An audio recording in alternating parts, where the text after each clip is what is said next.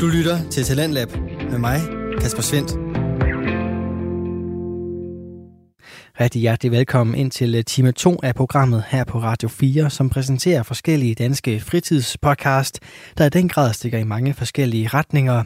Vi startede således aftenen med at høre en terapisamtale om øh, det at lytte til sin krop og ikke give så meget plads til hovedet.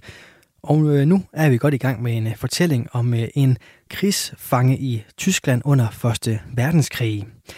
Og øh, den fortælling får du i Spejderliv, en øh, podcast med Sten Eriksen og Kim Pedersen som de to værter. De deler ud af både viden og passion inden for deres eget lille niche-emne, som øh, Spejder jo egentlig på en eller anden måde er, samtidig med, at de fortællinger og de emner, de dykker ned i i podcasten, kan være ret så universelle. Sten og Kim er et par ret så store nørder, som øh, med begejstring, humor og fortællelyst deler ud af både passionerede afsnit inden for øh, brænde, og hvad for noget brænde man skal vælge, men også over en helt anden øh, boldgade, og det er det, du skal høre videre på her til aften, for de kan også fortælle om historiske personer og begivenheder, som i den grad både har noget med spejderne at gøre, men som også godt kan være ret så appellerende at høre om, hvis ikke du er spejder. Nu skal vi tilbage til Eric Sherbrooke Walker, som er hovedpersonen i den her lille serie lavet af Spejderliv. Og vi vender tilbage til hans liv, hvor han øh, lige skal finde ud af, hvilken retning det egentlig skal gå i.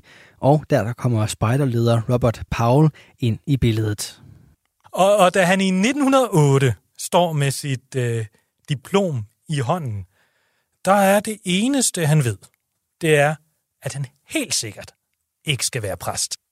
Det er jo store spørgsmål at bryde sit hoved med. Ikke? Hvad, hvad skal man lave resten af sit liv? Ja, det er, øh, det er jo rigtig svært. Og det er stressende. Så derfor så tror vi, at Erik han har slappet af med at læse sommerens bestseller. Det er bogen Scouting for Boys. Og den er skrevet af en krigshelt for belejringen af Mafeking, Robert Baden-Powell.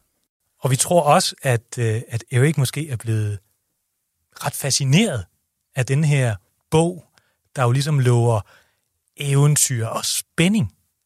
I hvert fald er det et faktum, at da verdens første spejderlejr blev afholdt, der er Erik med som voksen, ja, som, som leder. Den bliver afholdt øh, ved en lille by i Northumberland, der hedder Homshoff. Homshoff? Homshoff. Jamen altså. Jamen, der, altså, der, er, der er jo nogle ting i livet, der er svære at sige, ikke også, Kim? Ja, ja, ja, ja. Jeg elsker dig. Jeg tog fejl. Undskyld og Homshoff. det er altså ikke let. ja, okay. Men altså, Homshoff-lejren, det er alle de her klassiske spejderaktiviteter, som at sove i bivak og tænde bål, finde vej med kort og kompas, tage på vandreture øve førstehjælp. Og, øh, og så har Baden Powell også en særlig leg, jeg synes lige lige skal dvæle med et øjeblik, for de er lidt, de er lidt pussy på en eller anden måde her på 100 års afstand. Ikke? Det er en leg, hvor man skal øve sig i at snige sig ind på en hjort. Men altså, det er, det er ikke en rigtig hjort. Det er, det er en anden spejder, som så bliver sendt afsted og gør alt for at skjule sig. Og så sender man ligesom jægerne afsted efter hjorten. Hvis hjorten gemmer sig måske op i et træ, det ved jeg ikke lige, om hjorte gør, men den her hjort i hvert fald, og, og hvis den så får ramt dig med en, øh, med en tennisbold, når jo, du er ude og jage den. Kan, kan, kan Jorden skyde igen? ja, Jorden kan skyde igen. okay. jeg, jeg tror, forklaringen er, at det svarer til, at du ligesom bliver løbet ned af Jorden. Ikke? Mm. Ja, så den kan godt forsvare sig. Så er du ude. Men hvis jægerne får snedet sig ind og fundet den der, hvor den gemmer sig, og får ramt den med tre tennisbolde, så er det jægerne, der vinder. Og selvom det regner meget på den her lejr, altså, det regner rigtig meget, så er det lige noget for Erik det er praktisk, der er sammenhold, det lugter lidt af eventyr at være på hjortejagt i de engelske skove. og til hvert lejrbål, når solen går ned, og man kan skæmte stjernerne og himmellæmerne, der fortæller Baden Powell om nogle af sine mange eventyr i Afrika og Indien. Ja, ja, ja. Det er alt det her karakteropbygning og selvstændighed og fjerne lande. Måske er det her, han sådan rigtig bliver bit af spiderbasillen. Han takker i hvert fald ja med det samme, da Baden Powell pludselig tilbyder ham et midlertidigt job i seks måneder. Hvad jeg ikke så, hvad jeg ikke så ikke ved, det er, at øh, den tidligere mand på den post, han sagde op i frustration helt tilbage i april. Erik, han begynder første dag på arbejdet i september. Åh ja, det er en stor dag, første dag på det rigtige arbejdsmarked. Absolut, og det er et travlt kontor fyldt med ansatte. Og øh, altså, det er lige det. Hvad laver de ansatte? Har de sådan et medlemsadministrationssystem? Øh, ringer de op? Er der, er der sådan noget medlemsservice til medlemmerne og sådan noget? Nej. det de gør, det er, at de skriver alle sammen på et spejderblad. Et blad, der bliver kaldt The Scout. Ja, spejderen, vel, på dansk. ja, det er sådan et, øh, det er sådan et magasin med sådan nogle, øh, med sådan et drengeblad, sådan noget med en masse corny eventyr, sådan noget med historier som øh, to stærke mænds vedmål starter en krig. det er sådan noget vilde banditter, revolver og knive og, og masser af billig action. Øh, Unge mennesker, det ved vi fra YouTube, Ja. de vil se hvad som helst jo ikke. De har ingen kritisk sans. Altså, et eller andet sted, det er jo, det er jo en hver kommunikationsafdelings drøm, det her, ikke? De bliver altid trådt på økonomiafdelingen, men ikke her. nej, nej, der er kun kommunikation. Her er kun kommunikationsafdelingen. Øh, men, men altså, hvordan kan det være? Det er da en mærkelig prioritering. Jamen, det er fordi, nu skal du bare høre, det er fordi, at spejderideen på det her tidspunkt er godt og grundigt i krammet på forlæggeren Cyril Arthur Pearson. Øh, det er sådan en uh, Mark Zuckerberg eller sådan en eller anden uh, mediemogul. Der er masser af store uh, aviser og blade. Han har fået eneret på at trykke Baden Powells bestseller, Scouting for Boys. Og Baden Powell, han er, han er virkelig blevet snørret. Altså, han har virkelig gjort en dårlig forretning. Til gengæld for at give den her eneret væk, så har han fået dækket udgifter til en foredragsrække til en værdi af bare 1000 pund. Og, og så dækker Pearson altså også udgifterne til, til kontoret, men, men som sagt, arbejder alle medarbejderne kun på at skrive bladet. The Ja, Scouts. han får også pengene fra bladet The Scout, der får han alle indtægter. Ja, og det, det er en stor øh, maskine, ikke? Fordi de udkommer en gang om ugen i 110.000 eksemplarer. Både dengang og nu, der kunne man godt mistænke Arthur Pearson for at være fuldstændig ligeglad med spejderne, og kun være interesseret i at tjene så mange penge som muligt. På en eller anden måde, så er den her spejderbevægelse, den er jo i eksplosiv vækst. Og det kan bare ikke blive ved med at gå. Øh, De her spejder, der ikke har nogen, der er ingen kvalitetskontrol. Alle og hver barn kan tage en, en stav og gå rundt og lave bål udenfor og sådan noget. Man kan godt se, der bliver jo kaos, hvis der ikke er styr på det. Så øh, Arthur Pearson, han har bøjet sig en lille bitte smule, og så ansat en enkelt mand I seks måneder. til at holde styr på hele det engelske spejderkorps. Og det er vores held, Erik. Så hans opgave, det er altså at organisere alle de der grupper, distrikter, bestyrelser og, og ledere, sådan så Gud og hver mand ikke bare kan blive spejderleder. Det er et frustrerende arbejde. Erik han forsøger at få Baden Powell til at bryde med Pearson. Vi har et dagbogsnotat her. Vil du læse det op, Kim? Ja.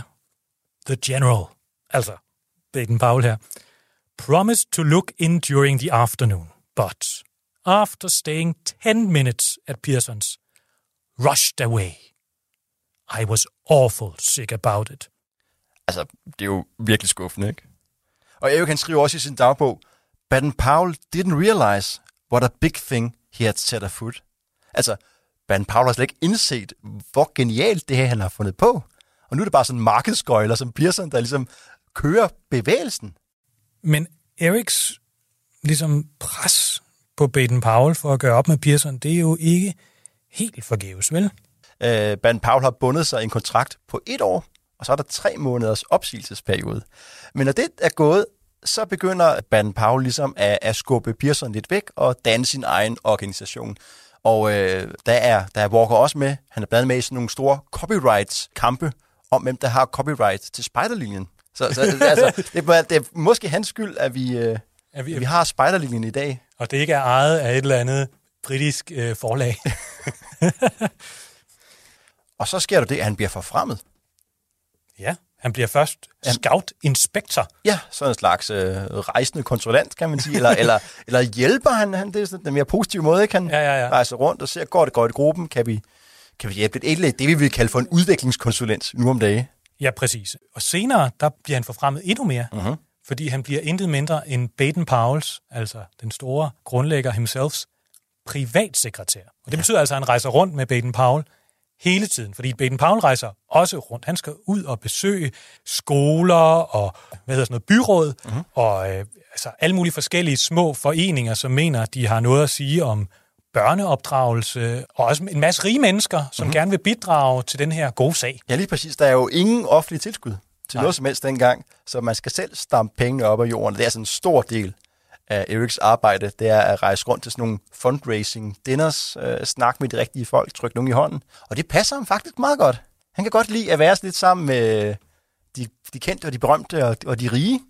Og så er han jo også meget sammen med Banden Paul. Og, og de får et, et meget nært forhold. Altså, Erik er jo cirka 30 år yngre end Baden Powell. Og Baden Powell, han er jo på det her tidspunkt en, øh, omkring 50 år og stadig ungkarl.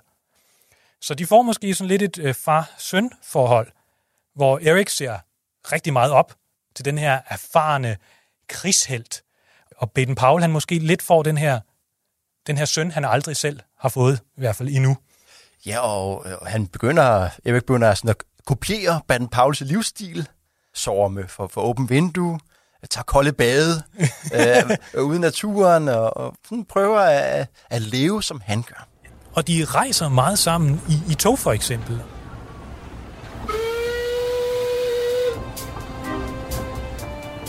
Når de sidder der i togkupéen, så prøv at forestille dig, at det er Sherlock Holmes og Dr. Watson, der sidder der. Baden Powell, han er Sherlock Holmes, og Eric, han er den trofaste Dr. Watson.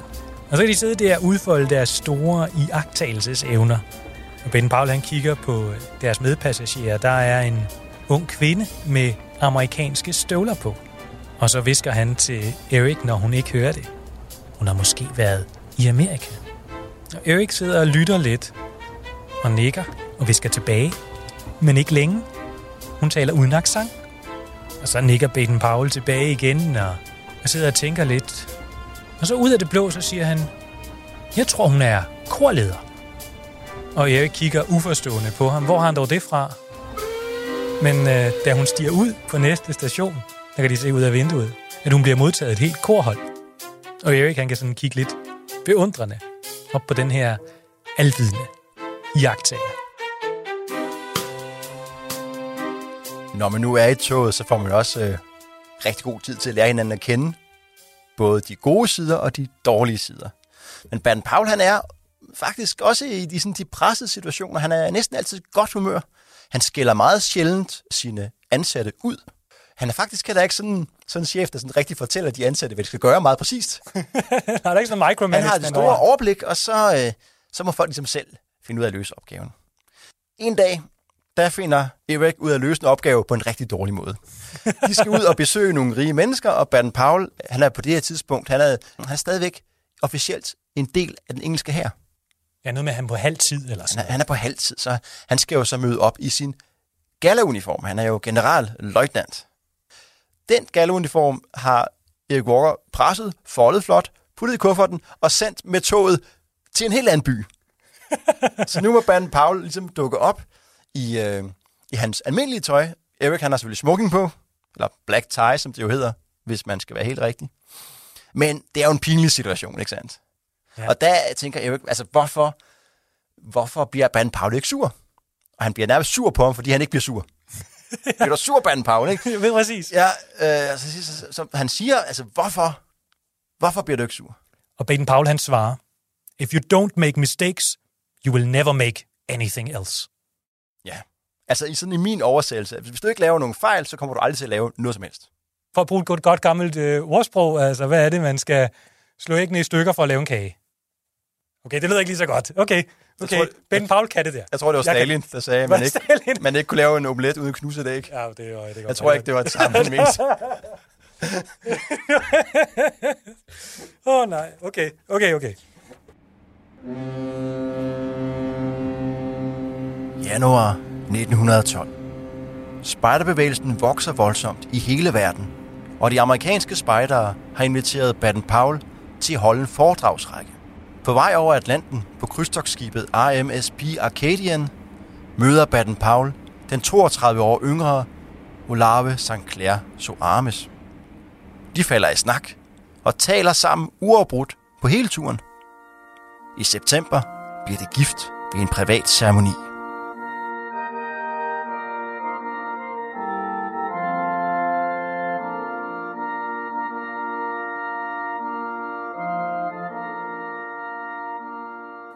Uha, så er Baden Powell pludselig blevet gift. Og så, altså, du kender det godt, ikke, Kim? Man havde, for der, der er et før og et efter. Før man ud med drengene, det er godt gulv. Man kan, man kan hygge sig, man kan bruge tiden på hinanden, men bagefter, du, så, du ved, så skal man være hjemme klokken 16, eller også, øh, der, man kan ikke den dag, for vi skal ud og vælge nyt hovedbudbetræk, eller et eller andet den stil, ikke? Ja, ja, ja. Altså, det er ikke ligesom, det er ikke det samme længere. Nej, og i 1913, der skriver BP's nye kone, Olave, til Erik og belærer ham om, at han altså virkelig ikke må presse Baden Powell så hårdt. Jeg tænker, det- det var lidt pudsigt på en eller anden måde, fordi Olave, hun er to år yngre end Erik, og så står hun der og, og belærer ham. Jeg tænker, at Ja, det er ikke må, det, man gerne vil høre. det må også føles mærkeligt for Erik, altså. Det, det må det virkelig. Og altså, ikke nok med det. I 1914, der rejser Ban Paul og Olave på en romantisk og rigtig spændende ferie til Nordafrika. De vandrer i bjergene, de kamperer, og Paul han er fuld af beundring over sin nye hustru, som kan klare alle strabasserne. Men Erik, han må bare blive derhjemme og klare kontorarbejdet. På kontoret, der, der bliver en anden ansat. En uh, Anthony Slingsby. Han bliver godt træt af det hele. Han siger op, og han smækker med døren, mens han beskylder korpskontoret for inkompetence og immoralitet. Hvad er det, der er så slemt? altså, Erik bliver personligt beskyldt for, øh, for det, der hedder swearing and drinking. Altså, han banner og drikker. og det tænker jeg, det er, det er alvorlige anklager i sådan en organisation, der, er, der arbejder på at styrke moralen og være et godt eksempel for unge mennesker. Så altså, det skal jo naturligvis undersøges. Der må afholdes et krisemøde. Men altså, vi, vi når aldrig rigtig at kende resultatet af det her krisemøde, fordi bare fire dage efter, så bryder verdenshistorien ind. England går ind i Første Verdenskrig. Det er den 4. august 1915. Bare en uge senere, der har Eric Sherbrooke Walker meldt sig til hæren. Og øh, han er jo heldig stillet, fordi han har taget det her ledelseskursus, da han læste teologi, så nu kan han gå direkte ind i hæren som øh, sekundløjtnant, altså det er den laveste officersgrad. Men dog officer. Ja, det, er, altså, det er jo egentlig et, et skørt tanke, og det er slet ikke unormalt. Altså, fra alene Cambridge University kom der over 3.000 officerer ind i den britiske her under Første Verdenskrig. Ja, jeg- så du har læst, hvad ved jeg, Dansens æstetik og historie, plejer ja. mit yndlingseksempel. Ja, og øh, så... Værsgo, her har du kommandoen over vores 30 mand. Det vil ikke være dårligt, altså. Jeg ved ikke rigtigt. Så kan man bruge alle de der humanistiske uddannelser til noget. Åh, oh, det sagde jeg ikke. Erik, han melder sig til krigen. Han vil tjene sit land. Det hjælper måske også på det, at det hele er lidt trist i spejderkorpset nu, ikke sandt? Mm. Men hvad skal man vælge? Infanteriet? Artilleriet? Ingeniørtropperne? Nej, nej, nej. Nej, nej, nej, nej. Erik, han vælger selvfølgelig det mest eventyrlige. Herrens splinter nye flyvende enhed. The Royal Flying Corps. Og det er jo helt i front af tidens teknologi. Det er kun 11 år siden, at den første flyvning i verdenshistorien fandt sted. Og på det her tidspunkt, der er flyene jo bare sådan en glorificeret kurvestol med vinger, ikke også? Og sådan lidt snor til at holde det sammen. Ja, det er i hvert fald ikke så farligt kompliceret, for det tager kun øh, Erik en måned at få sit flycertifikat, og så tager det et halvt år, før han er klar til at flyve missioner. Du lytter til Radio 4. Du er skruet ind på programmet Talents Lab, hvor jeg, Kasper Svindt, i aften kan præsentere dig for to afsnit fra Danske Fritidspodcast. Her som nummer to er det fra Spejderliv med Sten Eriksen og Kim Pedersen. Deres første del omkring krigsfangen Erik Sherbrooke Walker vender vi tilbage til her, og nu der tager historien altså rigtig fart. Og nu er Erik jo altså virkelig blevet til noget. Han er jo kamppilot, og det vil han gerne vise sin gamle arbejdsgiver og mentor. Så derfor så laver Erik det, man kunne kalde for et power move.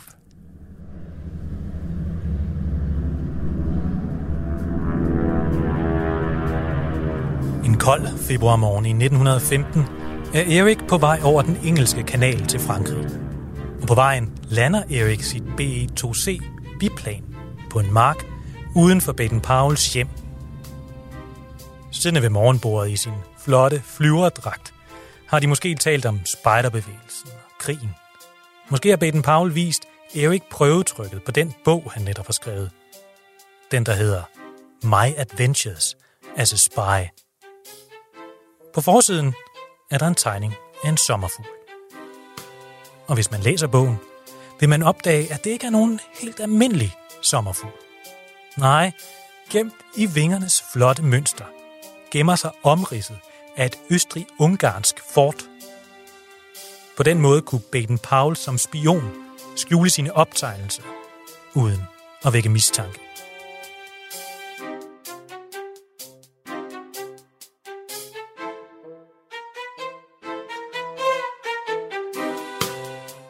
Og utrolig nok, så findes der faktisk et fotografi for den her særlige morgen. Vi kan se Baden Powell. Han er i korte bukser selvfølgelig, og så går han med to stokke. Hans yndlingshund, Doggy, er også med på billedet. Så er der selvfølgelig Erik og hans flotte flyvemaskine. Og ved siden af alt det, der er den barnevogn, hvor man kan se Van Pauls første søn. Han hedder Peter, og han er lige omkring et år på det her tidspunkt. Og i Frankrig, der øh, flyver Erik jo rekognoseringstogter ind over fjendens linjer, for ligesom at observere skyttegravene, hvordan øh, er de blevet ændret i løbet af nattens løb, og, og hvor er fjendens øh, kanoner, alt sådan noget der. Og den 4. juli, det er Eriks fødselsdag, og øh, det er også hans sidste flyvning, inden han skal hjem til England på Orlov. Vi ved faktisk, at han har to teaterbilletter i baglommen på det her tidspunkt, fordi han har en øh, aftale med en smuk ung kvinde hjemme i London. Ja, og det skal vi måske lige sætte nogle streger under, fordi når vi læser de her kilder fra datiden, der beskriver Erik, så er der mange, der fokuserer på, at han er en, en rigtig flot fyr. Og ret charmerende, og damernes ven. Men skæbnen ved dog, at han ikke når hjem, fordi det er netop den her dag, på hans fødselsdag, at motoren sætter ud, og Erik og kaptajn Leach, de må lande på den helt forkerte side af fronten.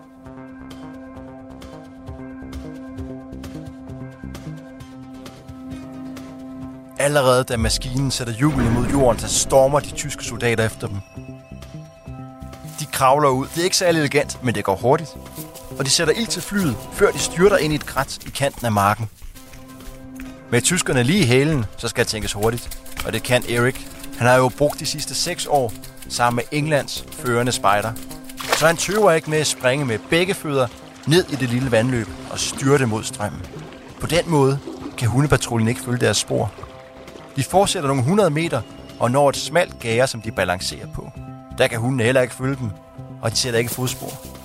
De løber gennem skoven og finder et skjul mellem ærteplanterne i en urtehave bare 100 meter fra en tysk lejr. Det er det eneste sted, de ikke vil lede, resonerer Erik.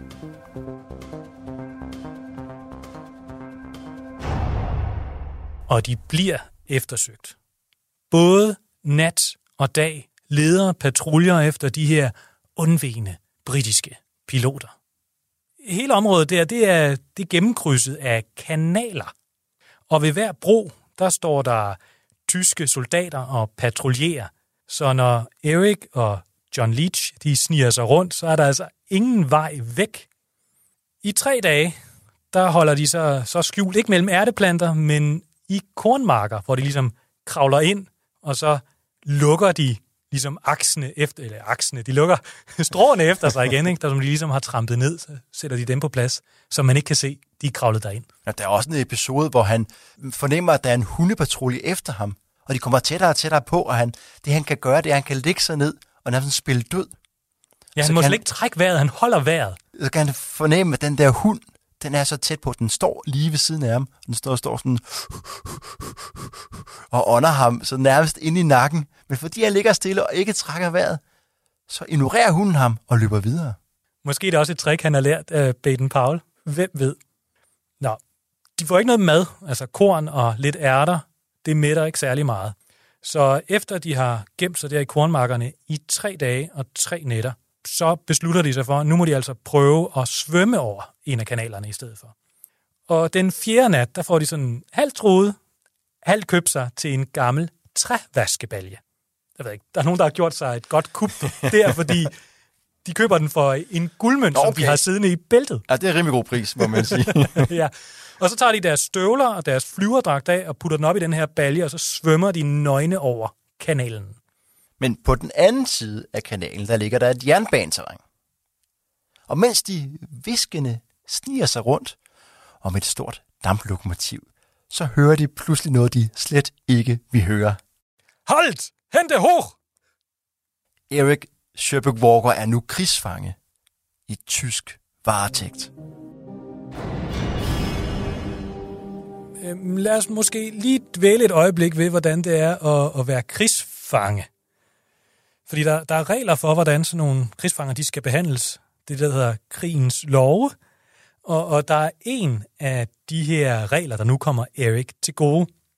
Og det er den regel, som hedder, at officerer og menige, de skal adskilles. Ja, og, og som I sikkert har regnet ud, så er det lidt federe at være i officerernes lejr, end i de meniges lejr. Ja, og, og heldigt nok for Erik, så er han jo lige netop officer. Han er sekundløjtnant. Så derfor så bliver han ført til officier Fangenlager Mainz, som er en fangelejr i den tyske by Mainz. Og hvordan foregår det så i sådan en fangelejr? Jo, du møder op hver dag til appel. Der bliver du lige råbt op og krydset af, så de kan se, du er der endnu. Og øh, så er der måltider tre gange om dagen, og der er sport, og der er læsning og, og spil til at fordrive tiden med. Hvis jeg siger krigsfangelejr, så tænker du garanteret noget med nogle barakker og noget pigtrådshegn. Ja, og nogle høje tårne og, og sådan nogle øh, lys, der lyser ned øh, med. Ja, ja, spotlyset det fejrer fra side til side. Sådan er det ikke helt. Altså det, I skal forestille jer, det er, at vi er på et gammelt stjernefort for Napoleonskrigstiden. For eksempel, hvis I er københavnere, eller har været forbi som turister, så har I måske set det, der hedder Kastellet. Det er sådan nogenlunde samme arkitektur. Og i de her gamle bygninger, der bor krigsfangerne så. Vi har faktisk lidt unikt et fotografi. Vi ser et vy ud over fangelejren. Der er en del liggestole, vi må lægge mærke til. Så går officererne rundt i deres øh, uniformer. Der er en lille tennisbane. Vi ser hjørnet af en tennisbane. Og der er også en skyggefuld lund med nogle bænke, hvor man kan sidde. Men det ser jo alt i alt meget hyggeligt ud. Vi skal nok lige tænke på, at det er noget tysk øh, propaganda. Der er også en andet, synes jeg, lidt skørt detalje, det er, at det her det er, det er et postkort. jeg ved ikke helt, hvad, hvad, vil du, hvad for et postkort skal vi vælge? ja, præcis. Skal vi have det med Adonis, eller det med den lille øh, nøgne barn, eller skal vi have det med krigsfangelejren? Altså, skal... Wish you were here, kan man så sende til sin, til sin ven. Det er ikke det er meget skægt. Ja, vi har faktisk også en, øh, sådan en, en lille dansk beretning fra fangelejren. Danmark var jo neutral under 1. verdenskrig, men øh, vi spillede en eller anden form for rolle i Røde Kors, hvor vi ydede humanitær hjælp til øh, soldater i krigsfangenskab. Og fra dansk side så var det især de russiske soldater, som vi hjalp. Og vi har også en, øh, en dansker, Erik S. Henius. Han besøger lejren den 17. september 1915. Det er på et tidspunkt, hvor vi ved, at øh, Eric Sherbrooke Walker også har været der. Henius skriver. Fangerne er glade for behandlingen. Alle bor i gode rum. De unge officerer bor flere i fælleslokaler. De ledende officerer i enkeltrum. Upåklagelig renlighed overalt, selv i køkkenet og i kældrene. Kosten anses generelt for at være rigelig og meget tilfredsstillende. Let vin og øl kan købes i moderate mængder til rimelige priser i kantinen. Støvler, tøj, konserves osv. fås til moderate priser. Alle bærer uniformer. Civil beklædning er forbudt. Alle, eller næsten alle, dyrker sport. Der er adgang til mange forskellige idrætsfaciliteter på den store plads. De yngre officerer får 60 mark om måneden. Heraf fratrækkes 50 mark for hele pension, således at de får alle andre behov opfyldt, f.eks. drikkevarer, tøj, tøjvask osv. Tilbage er kun 10 mark per måned. De ældre officerer modtager 100 mark om måneden. Altså, det lyder jo som højskoleopholdet, du ikke vil hjem fra. Du kan heller ikke komme hjem. Nej, det er selvfølgelig rigtigt. Men altså, man får penge for at være der. Nogen vasker ens tøj. Der er, der er adgang til tennisbane. Og så er der jo også en masse andre øh, nye venner, du kan få fra eksotiske lande. andre officerer, som, som heller ikke har noget at lave. Men man er jo ikke helt afskåret fra verden udenfor. Når man er i fangelejr, kan man godt skrive breve hjem. Ja, altså det er jo en del af den humanitære øh, tjeneste, som Røde Kors laver. Ikke? Man, kan, man kan sende breve, man kan også sende pakker, men der er et men, og det er, man skal regne med 100% sikkert, at din post bliver læst. Først bliver den læst af den tyske her, det er vel deres efterretningstjeneste. Så går den også videre til Røde Kors, som faktisk også har forpligtet sig til at læse posten igennem og frasortere breve, som har politisk eller militært indhold. Du må gerne skrive om vejret og sådan noget, ikke? men du skal ikke øh, skrive om Mink-kommissionen. det betyder selvfølgelig med den her dobbelttjekning, at det tager lang tid. Men det kan lade sig gøre at sende breve frem og tilbage til sine kære, og så kan du også få pakker med fødevarer, øh, chokolade, Mm. tobak Ah. eller andre rare ting. Men det bliver altså også øh, kontrolleret både af Røde Kors og af tyskerne, så man ikke sender forbudte ting ind til lejren. Nu ved jeg ikke, Sten, du er jo glad for, øh, for højskolen. Ja. Jeg ved ikke, hvordan øh, du vil have det i sådan en uendelig højskole her. Altså, jeg tog to øh, ophold, ikke? så det var tæt på. Altså, På uendelig Ja, højskole. du kender det. Altså, du, du er derinde, ikke? Du, du udretter ikke rigtig noget. Du, du driver Nu, rundt. nu bliver det lidt for personligt, synes jeg.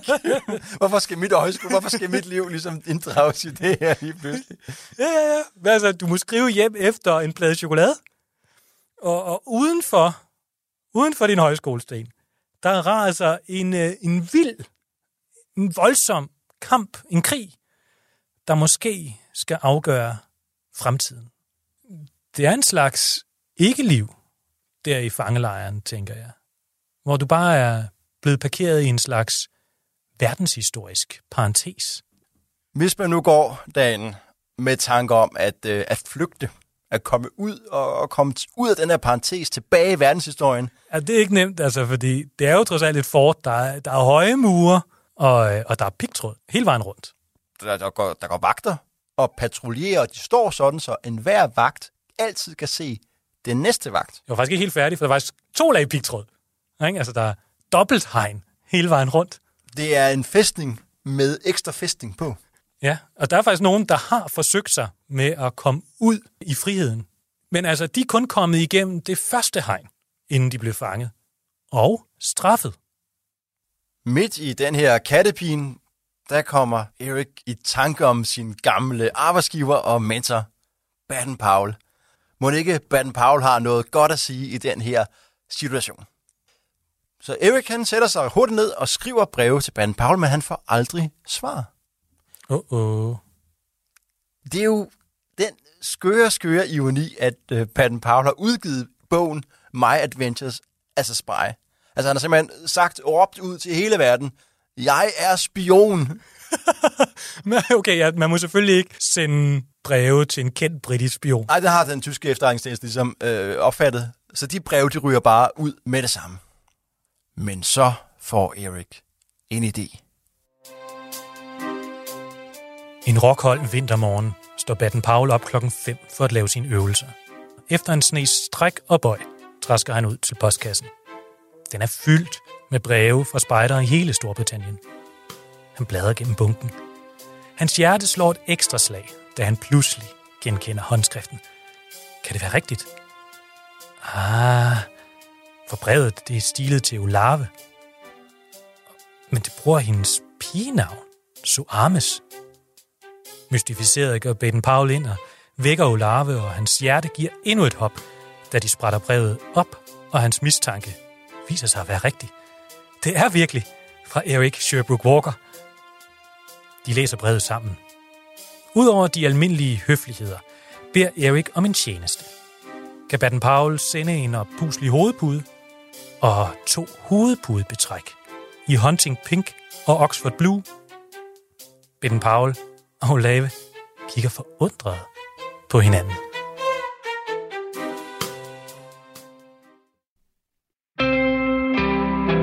Du lytter til Talentlab med mig, Kasper Svendt. Vi er i gang med aftenens andet podcast afsnit her i Talents Lab. Det er programmet på Radio 4, der giver dig mulighed for at høre nogle af Danmarks bedste fritidspodcast. Det er podcast, der kan underholde, informere og måske endda inspirere dig. Og Spejderliv, som I har fat i her, kan i den grad alle tre ting. Bag den, der står Sten Eriksen og Kim Pedersen, og øh, de fortæller her videre omkring krigsfangen Erik Sherbuk Walker, og øh, vi skal her høre om, hvad et øh, pudebetræk har at gøre med en øh, fangeflugt, og hvorfor øh, den 1. april spiller en rolle i den.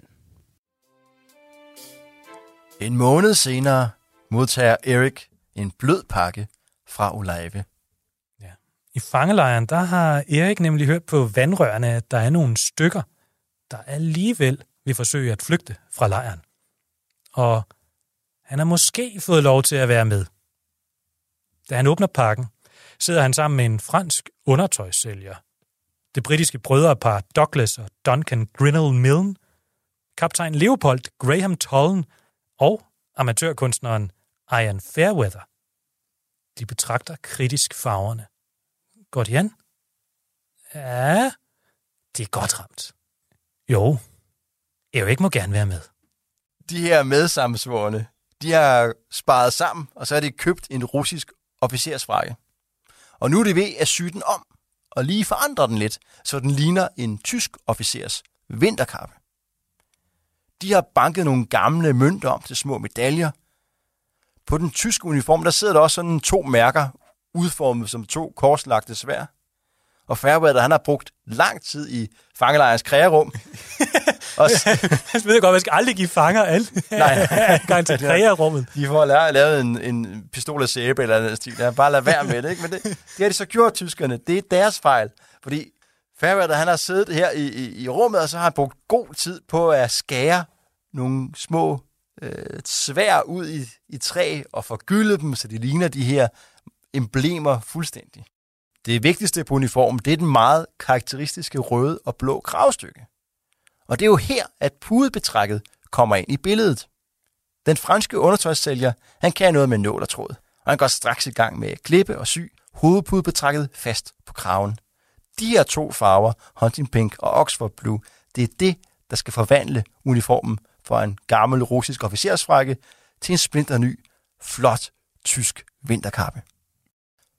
Planen er egentlig ret simpel. Øh, den ene af de sammensvorene, Duncan Grinnell Mill, han har læst i Freiburg på universitetet og taler flydende tysk. Ja, guten Tag, mein Herr, wie geht es? Så han skal sådan set bare tage frakken på, og så foregive at være tysk officer. Og så skal han bare føre de fem andre ud, som om at de skal overflyttes til en eller anden fangelejr, og når de så er ude på den anden side, så kan de bare gentage det trick, når de skal forbi nogle tyske vagtposter eller igennem en eller anden mistænksom tysk landsby. Og øh, ja, så skal de simpelthen bare spacere gennem Tyskland og over grænsen til Holland. Det virker måske sådan lidt naivt. Ja, det vil jeg også sige. altså, jeg vil også sige, altså en, en simpel plan er en god plan. Ma- meget simpel plan her. Men de får aldrig rigtig prøvet den i praksis, i hvert fald ikke denne omgang, fordi nu er det blevet den 1. april. Den 1. april, der skifter de tyske officerer til sommeruniform. Oh. Og den store vinterfrakke, den bliver lagt på hylden, og så ryger planen jo lidt i vasken. Ikke nogen særlig troværdig preussisk officer, hvis man har vinterkap på efter den 1. april. Ej, de, de går op i regler, det, det er ikke, ikke, præcis. Det er ikke sådan... Så øh, der er intet andet at gøre, end at udskyde flugtplanen til næste vinter. Og for at det ikke skal være nok med det, så kort efter, så bliver både Duncan og Douglas, de bliver flyttet til en anden fangelejr. Jeg vil lige knytte en lille sidehistorie til. Jeg synes, det er næsten for godt til ikke at sige. Og det er, at senere, der lykkedes det for Duncan at flygte i lige præcis den her kappe. Altså, de tager den simpelthen med, og så gemmer han den til det bevinter igen. Så er planen god. Så ham og en, faktisk en del andre, måske er de fem i alt, flygter. Han er i militærtøj, og de udgiver sig for at være civile tyskere. Og så er de afsted. Og det er jo meget godt. Og det betyder jo også bare, at, at det her træk med hovedpudebetrækket fra Baden-Powell-familien, det ender faktisk med at redde i hvert fald en britisk officer ud af tysk krigsfangskab. Men set fra Eriks synspunkt, så er den her plan jo gået i vasken tænker, det er et stort, øh, stort tilbageslag for ham. Uniformen, den har de arbejdet på i flere måneder. Den er væk. Og øh, det samme er manden, der skulle tale dem forbi i landsbyer og vagtposter på flydende tysk. Altså, jeg tænker, at det har været sådan en ret sort dag for Erik. Erik skriver endnu et brev til Olave. Dear Miss Soames, i must begin this long delayed letter by saying how grateful I am to you for your occasional letters from home and also the summaries of your doings. You kindly promised some jam, butter, or honey. I do not care to remind you, probably it's not necessary, but if any should come, like everything coming from you, it would be opened and eaten with more enjoyment than things from other sources. Okay. Jamen, så han, øh, han beder om noget marmelade. Jamen, det er vel meget lækkert. Ja, det er sådan sagt uh, comfort food måske. Lidt sukker og styrke sig på. Ja. Men brevet det fortsætter sådan her. The optician you recommended me examined me and gave me the best monocles I have ever used. It was plain that those I had before had glass of inferior quality. I have found no other as good and find his lenses are certainly the best. Så her siger han altså tak til Olave, fordi hun har anbefalet ham en optiker, som har givet ham nogle rigtig gode glas til monoklen. Okay, men altså, altså hvis nu det første brev der med hovedbudbetrækket, sådan, det var lidt mærkeligt, synes de måske, Ben Paul øh, og Olave, der læste. Jamen så det her, ja, det må jeg gøre dem sådan... altså, jeg er lidt rimelig bange for hans altså, psykiske tilstand. Direkte bekymret, ikke? Fordi øh, jeg går ikke med... med han, han har fint syn. Altså, ja, han bruger ikke monokler. Han bruger ikke monokler, hvorfor skriver han det her? Det er mærkeligt, ikke? Ja, og det, og det bliver kun værre. Many congratulations to Peter on reaching his seventh year. I suppose when I return, he will have arrived at the stage when he demands fairy stories from all comers. In which case, I shall come off badly, as the only one I can remember at all is the one about Jack, the giant killer, and his famous boots. But there's plenty of time to think out some more. Så her ønsker Erik til lykke med Peters syv års fødselsdag. Og så snakker han lidt om et eventyr, som hedder Jack, the Giant Killer. Altså, Peter, Van Pauls søn, han er på det her tidspunkt maks to år. Altså, langt fra syv. Så altså, er Erik Walker gået helt fra forstanden, eller hvad? Altså, det virker fuldstændig skørt. Altså, hvordan skulle han tro, at det lille barn, han så i barnevognen for et år siden, hvordan skulle han tro, at han lige pludselig var syv? Er der mere i brevet, Kim? Nu skal du bare høre. Do you know that our mutual friend, Professor Smith Stevenson, has written a book on butterflies? Tell him I hope he will think that I have benefited from it.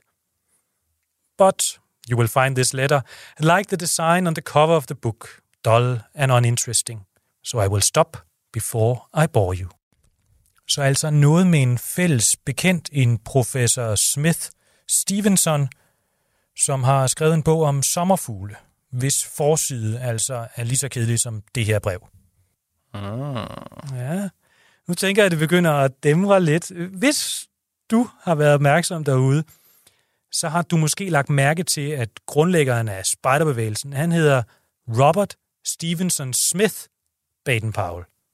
Uh-huh. Smith og, og Stevenson, det er altså to af Baden-Powells mellemnavne. Så professor Smith, Stevenson, det er Baden-Powell selv. Men, men den der bog med sommerfugl, Ja, altså det er jo ikke nogen bog, der er skrevet om sommerfugl. Det er jo øh, den med en sommerfugl på forsiden. Nemlig My Adventures as a Spy. Der kan man også se, at øh, her er censuren altså ikke helt vågen. Altså, Nej, men altså, det, den kunne man jo godt have fanget, det ikke? kan også ske, at den havde en anden forside i den tyske udgave. det kan selvfølgelig være.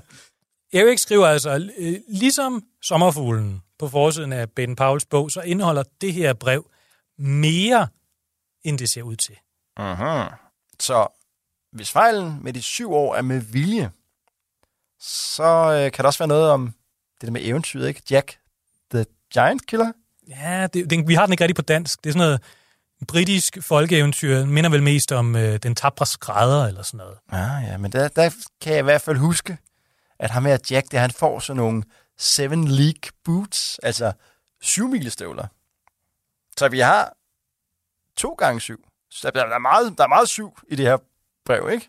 Ja, og fordi vi har det her brev Uh-huh. fra Nikolas Best, så kan vi nu følge i, øh, i Baden Pauls fodspor og løse koden. Og det er ikke noget, vi har set gjort før i nogle af de øh, kilder, vi ellers har læst. Nej, vi kunne være de første. Ah, Baden Paul og Ulave har nok været de første, men vi er så måske nummer to til at løse det her. Så hvis du sidder, så kan du forestille dig, at du sidder ved morgenbordet sammen med Baden Powell. Du har spidset blyanten, og så begynder du. Ja, hvor begynder du? Du begynder ved det allerførste. Begin, selvfølgelig. Uh-huh.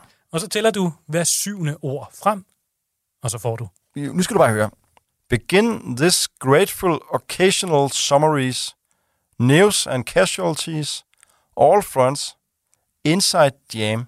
Så koden siger, at Erik han rigtig gerne vil have alle de nyheder, han kan få om krigen, blandt andet tabstal, men at Baden Powell skal gemme nyhederne i et glas med marmelade. Det er jo smart. Det er dyppet i marmelade. Så kan man ikke se, hvor der er faktisk, hvis vi fortsætter koden, er der nogle instruktioner om, hvordan de her nyheder, de skal, hvad skulle jeg sige, Skjules? hvordan skal skjules, ja, lige præcis. Der står, care necessary, everything opened, things mentioned, only superficially examined. Okay, så marmeladen bliver åbnet, men de hælder den ikke ud på bordet og kigger i den. Nej, det bliver overfladisk undersøgt, ikke? så det er jo nok noget med at, at kigge simpelthen. Så kommer det sidste stykke af koden. Der står, monocles, plain glass, no lenses, end. Og det er jo det med, at koden starter med begin og slutter med end. Det giver mening. Det her med monoklerne, det er jo lidt sværere. Altså, han beder om at få tilsendt en monokkel med almindelig glas, uden linse. Og det er jo Ja, det lyder lidt mystisk. tydeligvis ikke sådan, monokler fungerer. Og han bruger heller ikke øh, briller for øvrigt, så det er meget mærkeligt. Men Baden Paul, han gennemskuer det, og han sender det, som Erik han gerne vil have. Men kan du også gennemskue det? Hvad siger du, Kim? Jeg siger, det er et kompas. Mhm. Faktisk så øh, dengang, der kunne man øh, få kompas både med og uden linse. Øhm, det virker måske lidt mærkeligt Ja. ja. i dag, men altså et kompas med linse, det blev øh, brugt af artillerister til at indstille deres kanon. Fordi altså sådan en kanon, den har jo ikke rigtig noget sigtekorn. Øh, det er jo noget med, at man skal indstille en eller anden retning og en bestemt højde, og så kan man via sådan nogle matematiske beregninger finde ud af, hvor den rammer. Ja. Og der bruger man noget, der hedder et lens-attic kompas, altså et kompas med Ja, ja, ja. linse. Og det, hvis man har et spejlkompas, så er det lidt det samme, det kan. Ikke? Man kan både sigte og aflæse gradtal. Ja, og vi, vi har, jeg har faktisk købt et på nettet. Du kan få nogle ret billigt. Øh, bare lige for at se, hvordan det fungerer med det her linse.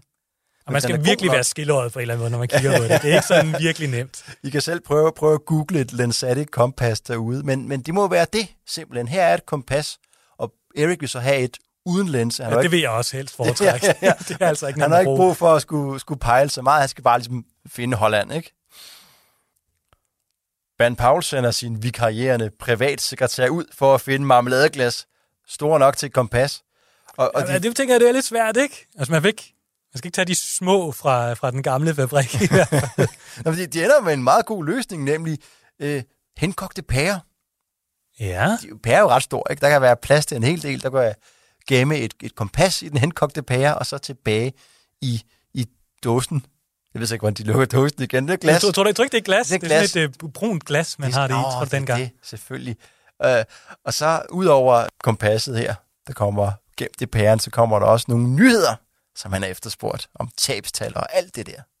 Fordi Erik har som sagt slet ikke givet op. Han har i stedet lagt en, øh, en ny plan, sin egen plan, fordi øh, hvis Duncan han ikke kan være med til at tale ham forbi alle de der tysker og mistænksomme vagtposter og hvad der nu er, så, øh, så må Erik i stedet for snige sig igennem Tyskland for at komme hen til det neutrale Holland. Altså, der er 200 kilometer fra Mainz til øh, Holland, og han skal jo nok snige sig om natten, og det kan man altså ikke gøre uden et kompas.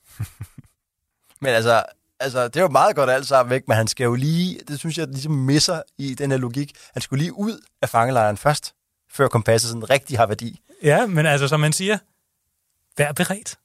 Eller på engelsk, be prepared, BP, som jo netop er Baden Powells initialer. Og BP, det står faktisk også for British Pluck, som vel bedst kan oversættes med engelsk gå på mod. Og det, det udviser Erik også, fordi ja, hvis man ikke bare kan slendre ud af porten, så må man jo øh, lægge kræfterne i. Og Erik har fundet et par andre, der også er klar.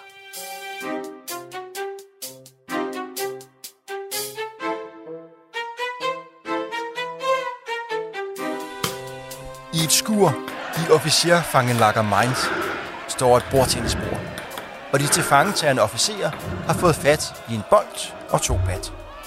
Der er vild begejstring, når englændere, franskmænd og russere kæmper mod hinanden.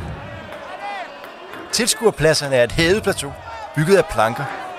Her sidder de medsammensvorene. De har nemlig løsnet et bræt i sædet i bordtennisskolen. Nedenunder brættet er der et hulrum, og nedenunder et betongulv.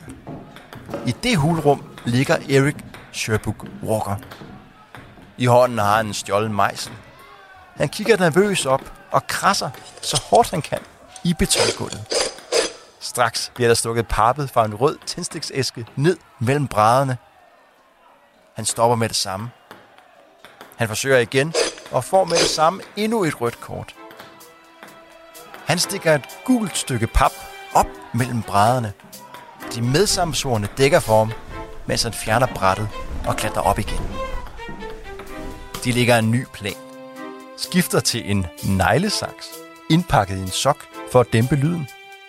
Og aftaler at larme og hæppe højligt, så arbejdet kan begynde. Den dag får Erik gravet et hul, der er halvt så stort som en tændstiksæske.